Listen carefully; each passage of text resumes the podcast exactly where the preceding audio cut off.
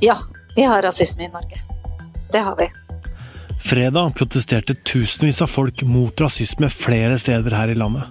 Men hva veit vi egentlig om rasisme i Norge? Jeg heter Tor Erling Tømt Ruud, og dette er Verdensgang.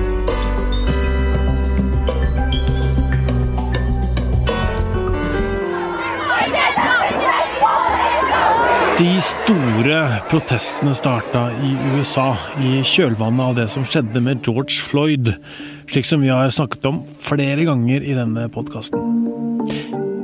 Men protestene har spredt seg til flere land i verden. Og fredag var det altså tusenvis av folk i bl.a. Oslo og Stavanger som demonstrerte mot det de mener er rasisme også her. Ja, det kom kritikk mot at de ikke overholdt smittevernreglene, men det skal vi ikke ta opp i podkasten i dag.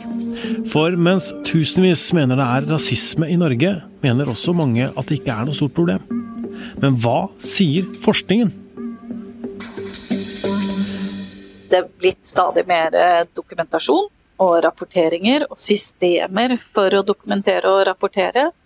Og i tillegg så kommer det også flere og flere fortellinger fra mennesker med minoritetsbakgrunn som er klare vitnesbyrd på at rasisme er en erfaring som finnes i Norge. Dette er Kåra Alexa Døving, som er forsker på Holocaust-senteret i Oslo. Hun er blant forskerne som har sett nærmere på om det er rasisme i Norge, og hvordan det gir seg til uttrykk i vårt samfunn diskriminering på arbeidsplass, diskriminering i forbindelse med jobbsøking, i forbindelse med eh, leie av hybler eh, osv. Der begynner det å komme stadig mer dokumentasjon på at det faktisk skjer, da ofte på bakgrunn av navn. Eh, så har det blitt samlet inn rapporter fra Antirasistisk Senter om erfaringer blant unge. Og så en viktig ny kilde, eller den har egentlig pågått i fire år, tror jeg nå, er jo også Oslo-politiets hatkrimrapport, som dokumenterer hatkriminalitet. Men det er mye, mye vi mangler forskningsmessig. Hva da? Vi vet f.eks. altfor lite om erfaringer. Eh, erfaringer også i ulike aldersgrupper. Og vi vet lite om hvordan det å ha mørk hud kan overlappe med andre former, f.eks. For å bære hijab eller ha et muslimsk navn. Vi vet altfor lite om samers erfaringer. Vi vet nesten ingenting systematisk og dokumentert om adoptivbarns erfaringer. Altså hva betyr det å ha et utseende som forteller at du kan ha røtter eller historikk i andre land? Altså fenotypiske trekk. I Norge så har det vært mye snakk om hatytringer og intoleranse og mobbing, og det er vel og bra. Men det har vært veldig lite snakk om hudfarge. Det har vært et vanskelig tema å ta opp. Mm. Men når man ser hva folk forteller om sine egne erfaringer og deres egen forståelse av hvorfor de har vært utsatt, så er svarene veldig ofte det er fordi jeg ser sånn ut som jeg gjør. Artist og skribent Shamal Sheikh var blant flere personer med mørk hudfarge i reportasjen som VGTV sendte i helga. Der fortalte de om ting som de hadde opplevd i Norge.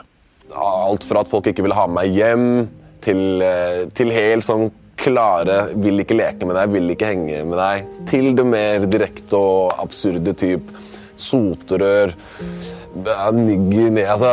Sjeik fortalte hvordan han har følt seg. Du får deg til å føle deg som et dyr. For, for, for, dag for dag så tar det en bit av meg, da. For å si det sånn. Dag for dag så føler jeg at jeg mister litt uh, selvrespekt. Jeg mister litt kraft, jeg mister litt egen styrke. For hver gang jeg blir sett ned på, så mister jeg håp, jeg mister lyst til å stå opp igjen. Bokstavelig talt. Kåra, du nevnte at dette her var eh, vanskelig å snakke om. Hvorfor har det vært så vanskelig å ta opp? Det tror jeg er mange forklaringer på, men en viktig forklaring er jo at heldigvis på mange måter, så etter andre verdenskrig så ble det særlig de vesteuropeiske landene på en måte avvist å skulle snakke om rase. Og samtidig så kom jo også den biologiske forskningen og viste at den troen på rase, den har ikke noe befestelse i vitenskap. Og dermed så la man på en måte vekk også rasebegrepet. Noe som er bra. Men samtidig så sluttet man også å fokusere da, og liksom late som man var blitt fargeblinde. Noe man absolutt ikke har blitt. Det viser alle disse fortellingene. Mm. Men det er også andre grunner, nemlig at i løpet av 80- og 90-tallet, med økt innvandrerbefolkning med muslimsk bakgrunn i vesteuropeiske land, så endret også rasismens form seg. Det ble flere og flere referanser til at de andre skulle holdes på avstand, diskrimineres eller ses på som underlegne, i kraft at de hadde en så veldig annerledes religion eller en så veldig annerledes kultur. Så kultur og religion ble en større referanse i rasismen. Hva er det de erfaringene du har hørt, og hva er det de du har sagt med, sier? Det er forskjellige typer erfaringer, men de vanligste eh, erfaringene, sånn når jeg har hatt små, mindre intervjuprosjekter, er det man ofte kaller for hverdagsrasisme. Altså at det ikke er snakk om en ren voldshandling, en voldelig rasisme, altså skutt av politiet, som er veldig aktuelt i disse dager. Men eh, erfaringer som har enten med at du går forbi noen på gata, og så er det en sånn mumling i skjegget, at du hører sånn litt lavt, men akkurat nok til at du hører at du skal komme deg hjem, at du er svarting, at du ikke har noe her å gjøre. Eh, den type kommentarer, sånn type slenging. Unge mennesker forteller også at når de går inn i en butikk, og hvis de er flere enn en to eller tre, og flere som har mørk hud, så anstrenger de seg for å smile og være høflige, så ingen skal tro at de er der for å stjele. Altså mistenksomhet er en erfaring. Eldre muslimske menn forteller også om at de anstrenger seg for å fremstå ekstra hyggelig, sånn at ingen skal være redde for dem. Det er også fortellinger om den Altså mer sånne diffuse opplevelser hvor de selv sier at 'jeg vet ikke helt, var det rasisme eller var det ikke rasisme'? Er det rasisme når en satte seg ved siden av meg først, eller jeg kommer inn og setter meg på T-banen, og så reiser en seg og setter seg et annet sted? Det kan jo ha vært noe helt annet. Så det er også mange som føler på en sånn Altså det ligger høyt opp i deres bevissthet at noe skjer med dem fordi de har mørk hud eller bærer en markør på noe annet men så er de ofte ikke helt sikre. Og når de er sikre, så er det også en veldig vanlig erfaring at når de skal fortelle om det, så sier folk Oi, det var litt dumt, men, men nå er du litt hårsår. Det der det var sikkert ment som en spøk. Altså, en erfaring som virkelig går igjen i det materialet vi har på rasisme i Norge i dag, det er at det er vanskelig å ta det opp. Det er vanskelig å bruke ordet. Det er vanskelig å bli trodd. Det Kåra Alexa Døving snakker om, kalles i forskningen for gaslighting. Det er en form for manipulasjon som i denne sammenheng kan være noe sånt som Altså Hvis du opplever at du blir utsatt for rasisme, og konfronterer meg med det, da, så sier jeg nei, nei, nei, det var jo bare tull. Det må du tåle. Eh, dette er ikke rasisme. Altså, jeg får deg til å føle at det er du som har et problem. At man gjør det til noe som er eh, mindre alvorlig.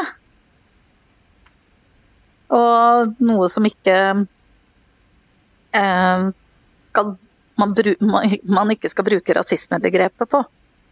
Rasismebegrepet er jo et vanskelig begrep, fordi at det rommer på en måte de grusomste folkemord. Og samtidig så kan det være et begrep som, som ganske enkelt sier noe om at man reduserer enkeltmennesket i kraft av troen på at de bærer i seg et eller annet uforanderlig, et eller annet negativt, fordi de tilhører den og den eller har det og det opphavet. Det har vært en del ehm, eh, stemmer i Norge også siste uka eh, som har pekt på at, eh, at Eh, vi må gå i oss eh, selv. Eh, på måten vi omtaler ting på, hvordan vi skriver, hva slags bøker vi leser, hva slags filmer vi ser, og kulturen osv. Hva, hva tenker du rundt det? Ja, det tenker jeg er en god idé. Og det er det jeg også mener med å lytte. At man kan trekke seg litt tilbake og si å ja, men kanskje vi skal høre, kanskje det er noe her. Kanskje jeg skal prøve å lese noe annet. Kanskje jeg skal prøve å sette meg inn i det, da. Det er jo kommet lettleste, flotte bøker på norsk fra eh, såkalte third culture kids eh, oppvekster i Norge. Barn som altså har vokst opp i en kultur som er annerledes enn deres foreldre, men da den norske. Og som bærer på helt bestemte typer erfaringer.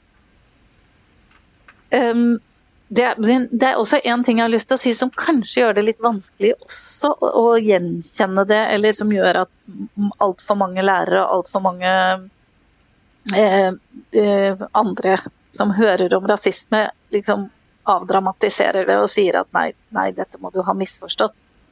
Det kan også være fordi den, det vi forbinder med rasisme, er så knyttet til USA og til en referanse til en slavehistorie.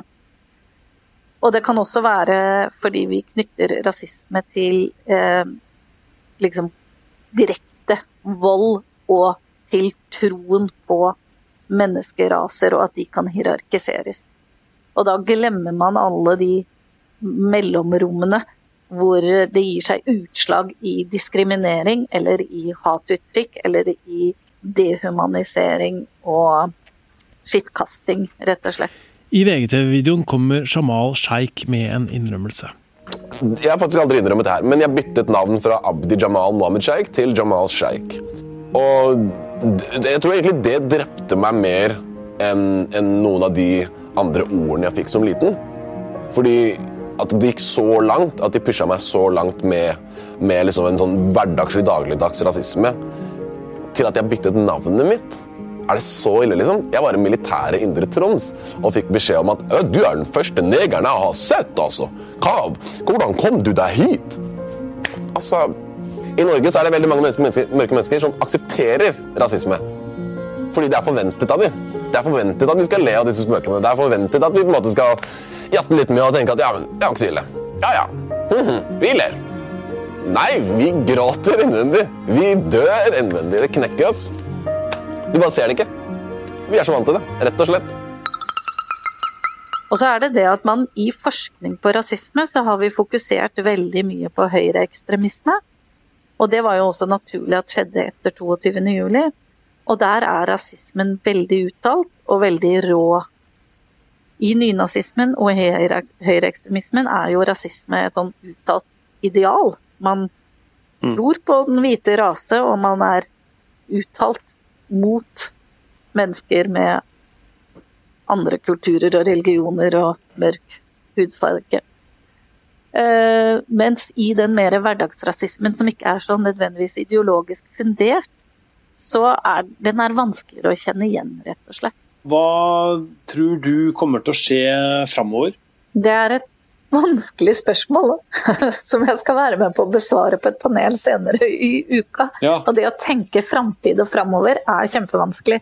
Men én sånn positiv ting, syns jeg, er at den generasjonen liksom fra den unge generasjonen fram liksom til mellom 30 og 40 år, det ser man på holdningsundersøkelser f.eks., og man ser det på engasjement, mm. er at der er det eh, klart færre fordommer, klart mye større bevissthet rundt rasisme og antirasisme enn det er f.eks. i min generasjon. Jeg er over 50 da.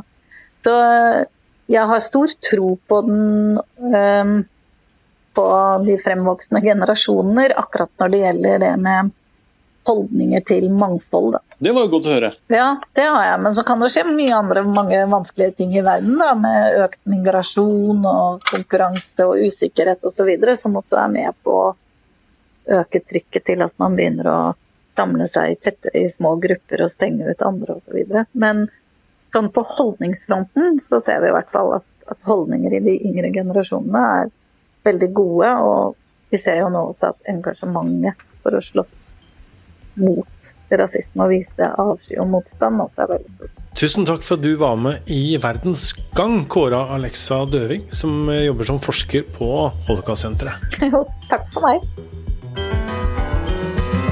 Du har hørt eh, Verdens gang, som er den daglige nyhetspodkasten til VG. Det er Emilie Halltorp, Kristine Hennesland, Nora Bjørnstad og jeg, Tor Erling Tømt Ruud, som lager den. Kaja Maria Andreassen lagde reportasjen på VGTV med Jamal. Og Magne Antonsen er teknisk ansvarlig.